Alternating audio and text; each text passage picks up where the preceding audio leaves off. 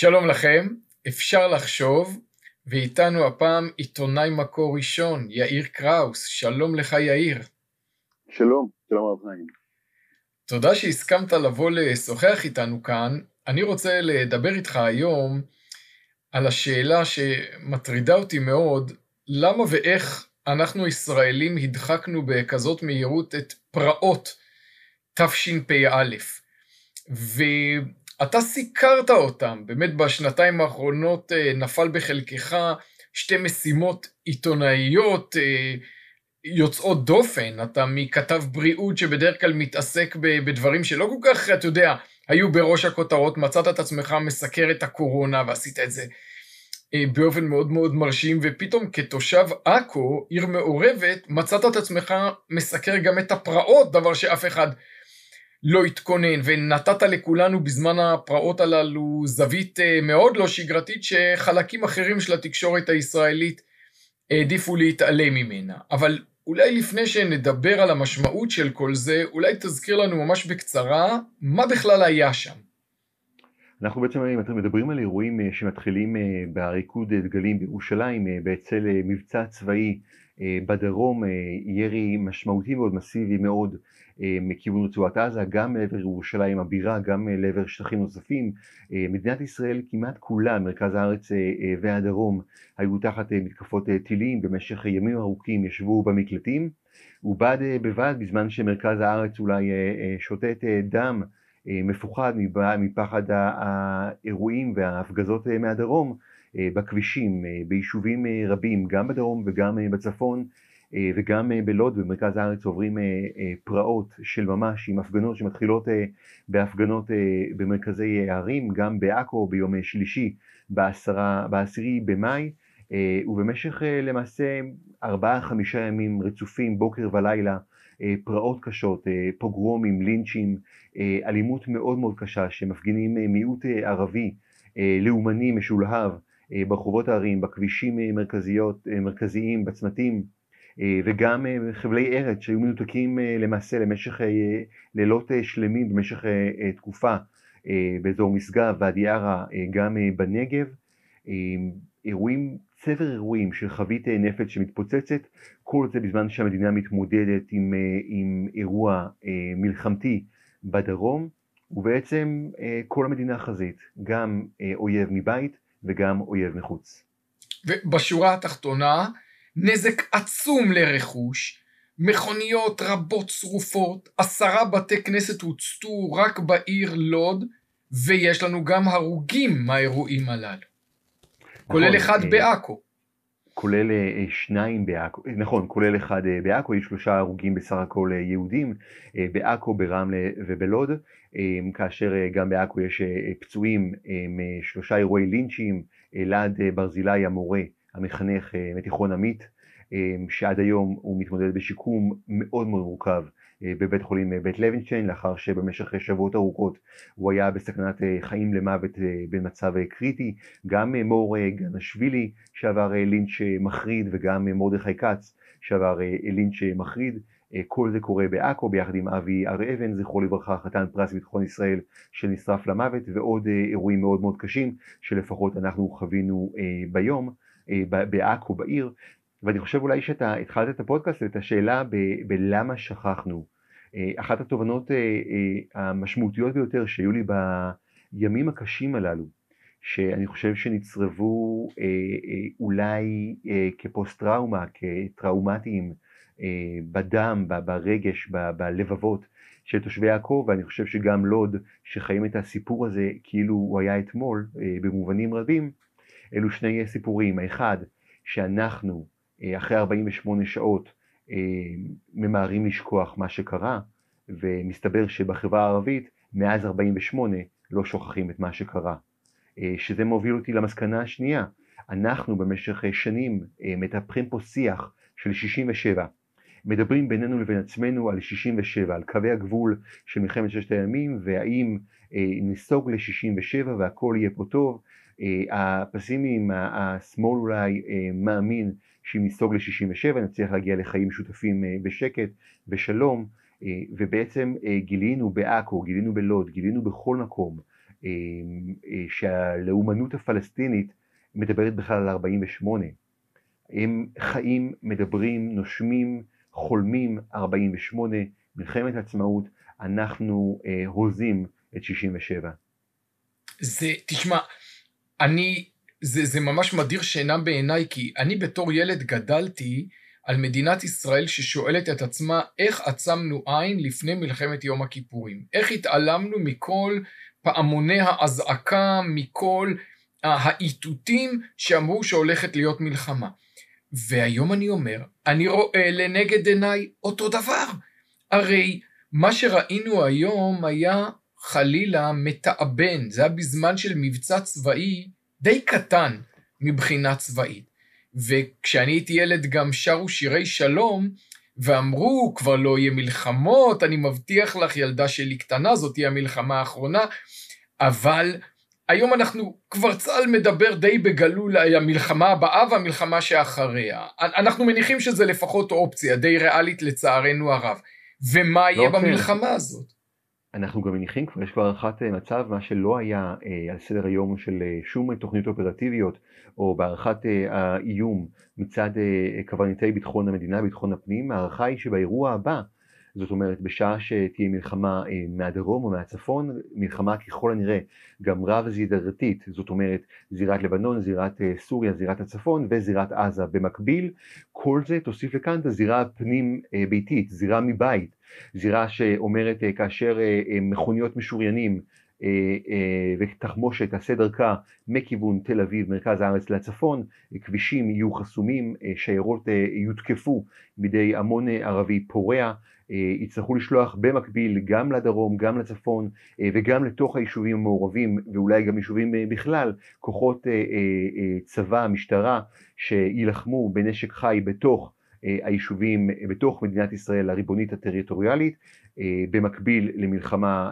מעבר לגבולות. תוסיף לכך את זה שכנראה בחורינו הצעירים, הבחורים, המשפחות הצעירות יישלחו לחזית, הגברים, מאחור בערים המעורבות יישארו הנשים והילדים. אה, שגם הם יהיו בסכנה אה, שאני אה, יכול לומר, כי אני חי כאן, בסכנה קיומית. יהיו כאן אנשים והילדים. אירוע מאוד מאוד מורכב, אירוע שאנחנו ראינו כיצד חבית הזעם הזאת, הלאומנות, התפרצה במהלך ימים, אחרי שבוע בערך, פחות או יותר, הלהבות שכחו מעט או כוסו במייקאפ כבד ועבה, אבל אין ספק שהאירועים הללו לימדו אותנו אה, לקראת מה אנחנו הולכים, ובעיקר צריך לזכור שבסופו של דבר אה, שאלת הניצחון, תמונת הניצחון, באירועים הללו יש אה, מנצחים. אנחנו הפסדנו. הערבים, הפושעים, אותו מיעוט שיצא לפרוע בטרור לאומני ניצח. ניצח, אנחנו רואים זאת גם באופן שבו המשטרה איבדה את ההרתעה שלה ולא הייתה כדי להגן על היהודים בימים הללו, אה, בתי המשפט שעכשיו חוטאים לתפקידם, רק אנחנו שומעים כל הזמן על שחרורים סיטונאיים של אותם מחבלים פורעים שהואשמו במעשי גזענות אנטישמיים כבדים ואלימים מאוד שמשוחררים למעצרי בית או משוחררים תוך כדי משפטם, כך שאם הישועה לא הגיעה מהמשטרה ועכשיו היא לא תגיע מבתי המשפט ובעכו חוגגים אה, בחפלות המוניות את השחרור של הפורעים, חברי כנסת מהרשימה המשותפת, מרע"מ, מהקואליציה, עולים לרגל לאוהלי המחאה בדרישה לשחרור הפורעים, המחבלים אה, אה, שביצעו את מעשי הטרור הללו, ודורשים ומדברים על הלגיטימיות שלהם וקוראים להם גיבורים שנעזרו, שגילו אומץ אל מול המצוקות של העם הפלסטיני ומכנים את משטרת ישראל כמשטרת הכיבוש. ושוב פעם חוזרת לנרטיב של 48 יש פה יותר מדי אה, סימני אה, קריאה אה, מהדהדים שדורשים מכולנו אה, לחשב מסלול מחדש. כן, אנחנו ראינו כבר בפרעות הללו שנהגי מובילים, מובילי טנקים ערבים לא התייצבו כדי למלא את משימתם להסיע את הטנקים, ואתה מציין יותר מזה, במלחמה הבאה יש להניח שכל הכבישים צפון היו חסומים בהתפרעויות, אה, חיילי מילואים יהססו חלילה לעזוב את בתיהם כי מישהו יצטרך להישאר שם להגן כי שוטרים לא מגיעים. אבל אני, אני מסתכל על כל זה התחושה שלי שלא מדובר כאן רק על הפער בין 48 ל-67, מה שאתה אומר בצדק גמור, התחושה שלי שהחברה הישראלית איבדה את מערך המושגים שמאפשר לה בכלל לפענח מה שקורה. כלומר, אני הסתכלתי על מה שקורה, אני שומע דיווחים מאח שלי, תושב לוד, מחברים שלי שהיו נצורים בבית כשבחוץ המון משתולל ששורף את הרכוש שלהם, מחברים שלי שגרים במורשת בצפון שבמשך עשרה ימים יצאו רק בשיירות פעמיים ביום מהיישוב שלהם, ואני אומר אני יודע מה זה? זה פוגרום! זה פוגרום לאומני, זה פרעות. ואני רואה שהחברה הישראלית, לפחות רובד מסוים של ההנהגה האינטלקטואלית ואולי גם הביטחונית, איבדה את היכולת לזהות פוגרום לאומני אנטישמי כשהיא רואה אותו, ומנסה להפריט את הפרעות הללו לכדי אוסף אקראי של אירועים פליליים.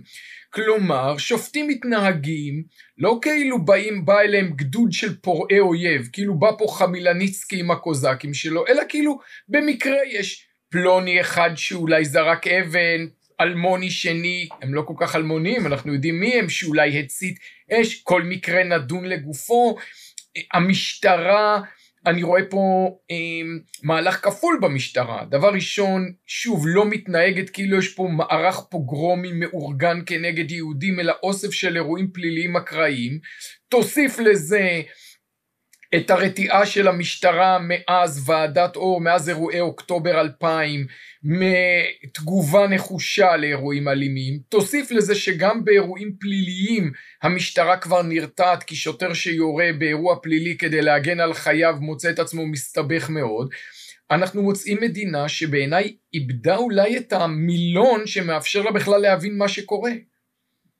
אז בעצם אתה לוקח אותי אה, אה, למסע עמוק לצלילה להבנת האירוע, אה, להבין מה קורה, איך אויב הופך לחבר, חבר הופך לאויב, איך כל העניין של אמת ושקר מטשטשים, איך פתאום אתה יודע שלושה לילות רצופים אני ער, מסתובב בעיר העתיקה, רואה זאבים צמאי דם עם עיניים אדומות בורקות, מחפשים יהודים לשחוט, להרוג, אני רואה אותם, אני, אני מסתובב שם. ואני אה, חוזר לאוטו, נוסע הביתה ושומע בגלי צה"ל שמעלים את האפשרות ובודקים אולי הגרעינים התורניים בעצם אשמים בהכל. יש פה התשתשות מוחלטת אה, בשיח, אה, מכמה סיבות יכול להיות, ושווה לצלול לסיפור הזה כדי להבין, אנחנו מדברים המון על, על הפרוגרסיבה, על, על הפוסט מודרניזם, על, על האובדן שהיום כבר אין, אין אמת, הרב חיים, יש היום נרטיבים, אה, כשאני במסע לדבר, אה, היום יש כל מיני מסעות אה, תקשורת או כל מיני הידברויות בין גורמים, או כשמציגים את הסיפור, לכל אחד יש את הנרטיב שלו, לכל אחד יש את הסיפור שלו, אין אמת. זאת אומרת, כשאני בא לבחון מה היה במאי 2021, אני מציג את הנרטיב של יאיר קראוס, יש את הנרטיב של הרב חיים נבון, יש את הנרטיב של מוסא חסונה, ואת הנרטיב של חביב אבו חביב, שהשתתף בשני הלינצ'ים, גם של אלעד, גם של מור וגם של מרדכי. כל אחד עם הנרטיב שלו, כל אחד עם הסיפור שלו, אין אמת אחת או שתיים, אה, אה, וברגע שאין אמת אז הכל שקר והכל נעלם. תוסיף לכך את, ה, את השיח אה, שמשתלט על כל חלקה טובה בישראל ואולי גם בעולם כולו של מדכא ומדוכא. זאת אומרת, אה, ברגע שאני הפריבילג, אני המדכא, אני תמיד אשם. המדוכא תמיד הנפגע. זאת אומרת, שאני מסביר למה המדוכא אה, פעל נגד המדכא, אה, אני מסביר ומחפש להצדיק כל הזמן את הסיפור של למה אני האשם כי אני צריך להלקות את עצמי, וגם יש פה שאלות שדורשות מכולם אה, אה, להתעסק בהם, ואלו שאלות קשות. זאת אומרת, בסופו של דבר, כאשר אה, מדינת ישראל מתפרקת במהלך כמה ימים, וכל הגופים מגלים חדלות כוח, יהודים נרצחים ברחובות, והמון ערבי זועם יוצא לעשות מעשי טבח שמזכירים לנו את אירועי תרפ"א, בכוונה אני לא אומר תרפ"ט, כי תרפ"א אולי במידה מסוימת מספר על מה שהיה, תרפ"ט מספר על מה שיהיה, משטרת המנדט מגיעה למקומות הללו, למקומות הלינצ'ים, באירועים אה, בחברון, בירושלים, בטבריה, רק אחרי הפרעות כדי להפריד בין הניצים, מזכיר לך משהו? כעבור מספר ימים משטרת המנדט מגיעה ליישוב היהודי, מחרימה את הנשקים של היהודים אחרי הפרעות, מזכיר לך משהו שהיה בלוד? זאת אומרת, בסופו של דבר אני חייב להסתכל על ההיסטוריה כדי להבין מה קורה בהווה. וכן, כשאני שומע בנוף הגליל, בכפר כנא, אה, יהודי חרדי חב"דניק מנוף הגליל שובר לינץ' ואלימות קשה, ואני שומע את הנאקות שלו, זעקות ונאקות של יהודי פצוע, מדמם, שנשמעו באושוויץ, נשמעו בהונגריה, נשמעו בלוב, נשמעו בפרהוד, נשמעו במרוקו ובעיראק ובכל אותם מקומות שהעם היהודי עבר אה, מעשי אה, לינצ'ים, ובעצם אתה מבין שרגע, המיעוט היהודי המדוכא, המיעוט הנרדף, נשאר מיעוט. משהו, אולי ב-DNA של העם היהודי, משאיר אותנו מיעוט נרדף גם בתוך ישראל, כי איך יכול להיות שיש לנו מדינה, יש לנו דגל, יש לנו לאום, יש לנו המנון, יש לנו כאן אה, אה, צבא ציוני וכולי וכולי, ועדיין יהודים בעכו, בערים המעורבות ובמקומות רבים מרגישים כמו מיעוט נרדף. איך זה יכול להיות? איך זה יכול להיות שאנחנו אה, אה, לא עונים על שאלות ומנסים לה, ו, ויכולים להסביר לעצמנו מה קרה? איך יכול להיות שאנשים ששכנים הלשינו לשכנים וסימנו לפורעים היכן גרים יהודים? איך יכול להיות ששכנים הולכים אה, לבתים הנטושים ובוזזים מכל הבא ליד אפילו את הנייר כסף, אפילו את תווי הכביסה אה, בדירות של היהודים?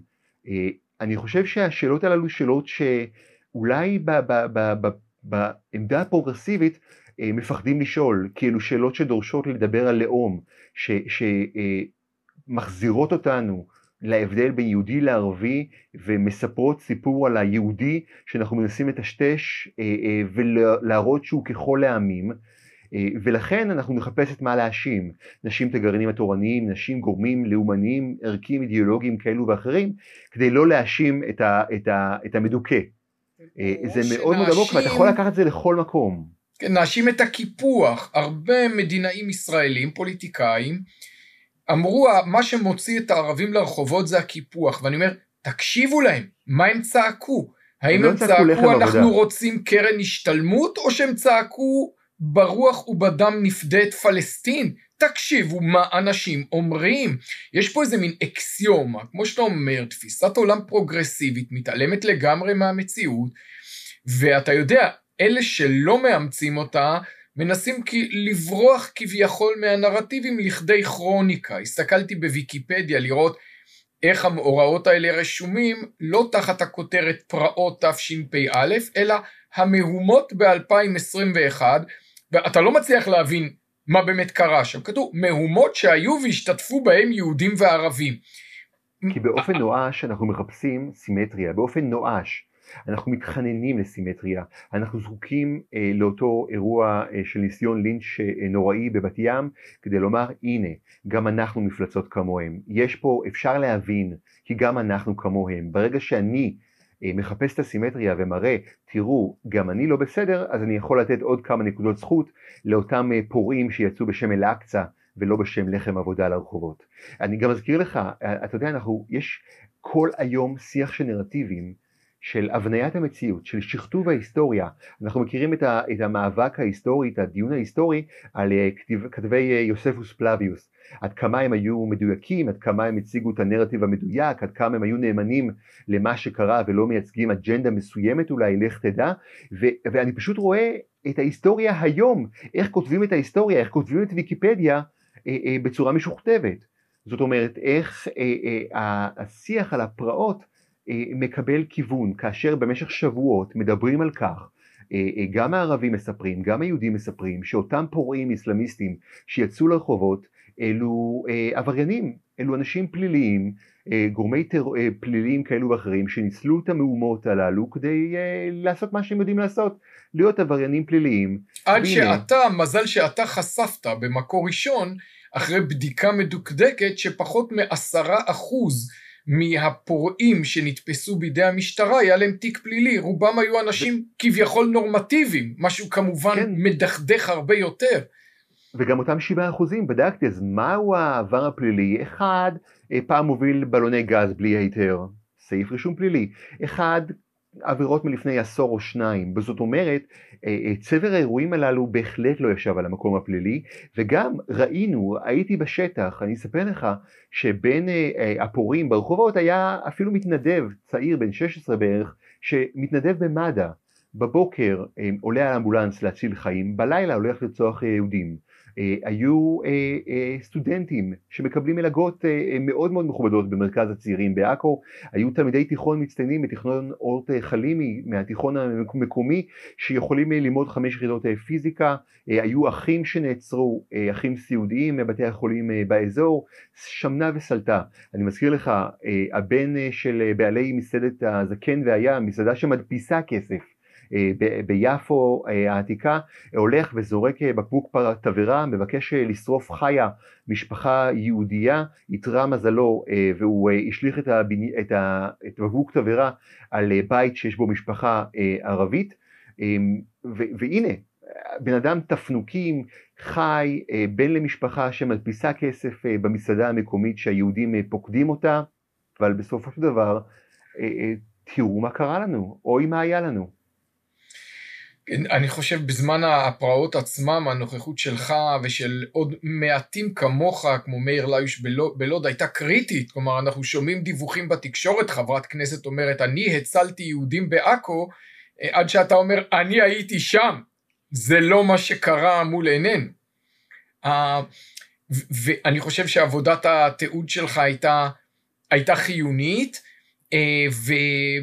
אה, אה, אני חושב, אני מקווה שיהיה לעבודה הזאת אה, המשך, כלומר ש, שיקום האדם או אתה או מישהו אחר שיכליל את זה לכדי אה, עבודה שיטתית או מקיפה יותר, אבל אם אני מסתכל, אם אני מסתכל היום על, על החברה הישראלית ששוב שוקעת לכדי הדחקה ומתעסקת עם פולמוסים פוליטיים אקטואליים, הריבים הקטנים שאנחנו תמיד שאנחנו תמיד uh, מתמקדים בהם, אתה חושב שנגזר גורלנו uh, לשכוח את ההיסטוריה וכדברי הפתגם הנודע לכן לחזור עליה?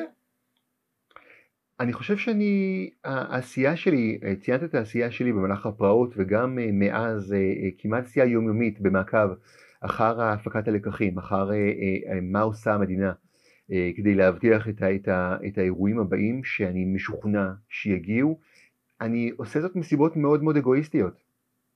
אה, אני לא עושה את זה בשביל משכורת, אני לא עושה את זה בגלל העבודה שלי, בגלל המקצוע שלה, וגדלתי ונולדתי להיות עיתונאי מגיל, אה, אה, מאז שאני זוכר את עצמי, אני עוסק בעיתונאות.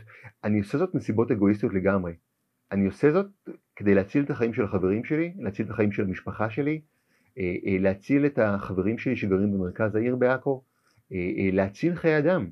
כי אני מבין שברגע שניתנה אה, רשות למשחית להשחית במשך ימים שלמים בעכו אה, ותמונת הניצחון היא אצלו, הוא ניצח אה, אותו מיעוט בחברה הערבית, לא כל החברה הערבית, אותו מיעוט ניצח והוא צמא לאירוע נוסף. ואין סיבה שלא כי הוא ניצח ואין ענישה ואין הרתעה הם מצפצפים וצוחקים עלינו, צוחקים על השוטרים, הם מבזים אותם והם פשוט ישחטו אותנו. אני מפחד מזה אני אה, מקדיש את חיי אה, לספר את הסיפור אה, ולהתריע ולדרוש דברים, לשבת עם חברי כנסת, עם שרים, לקחת פוליטיקאים שמגיעים לכאן לעכו ומרימים אליי טלפון, יאיר בוא תיקח אותנו לסיבוב בעיר העתיקה, להתריע ולהציק למשטרה, להציק לפרקליטות המדינה, להציק למערכת המשפט, כי בסופו של דבר אני צריך לדעת שבמקום שלי, בתפקיד שלי, עשיתי הכל כדי למנוע את הרצח של החברים שלי, של המשפחה, של, של הסביבה שלי, וגם בערים אחרות. כי, כי אה, האירוע הזה לא ייגמר בעכו ובלוד. אה, אה, למסור את עכו, לשחרור את עכו, לוותר על עכו ולוד ועל רמלה אה, ועל יפו ועל ירושלים, זה לא יעבוד, כי אתה תצטרך לוותר גם על גוס משגב, אתה תצטרך לוותר על יישובי ואדי ערה, היישובים היהודיים, אתה תצטרך לוותר על המצפים היהודיים הבודדים בגליל, אתה תצטרך לוותר על היישובים אה, בנגב, אתה תצטרך לוותר על כל כך הרבה יישובים, ובסוף אתה תצטרך גם לוותר על תל אביב, כי אין סיבה שהפרעות מבית לא יגיעו לתל אביב. ובעצם אני, אני, אני חייב אה, אה, להקדיש את חיי בצורה כזו או אחרת לצד שאר העבודה שלי, כדי לספר את הסיפור, כי, כי אני מרגיש שאם אני לא אספר אותו, שאם אני לא אספר ואחשוף בשבוע שעבר לדוגמה, שצעיר מחבל בן 21 שהשתתף בפרעות במלון האפנדי שבו נשרף למוות חתן פרס ביטחון ישראל, שוחרר למעצר בית לאחר חודשיים.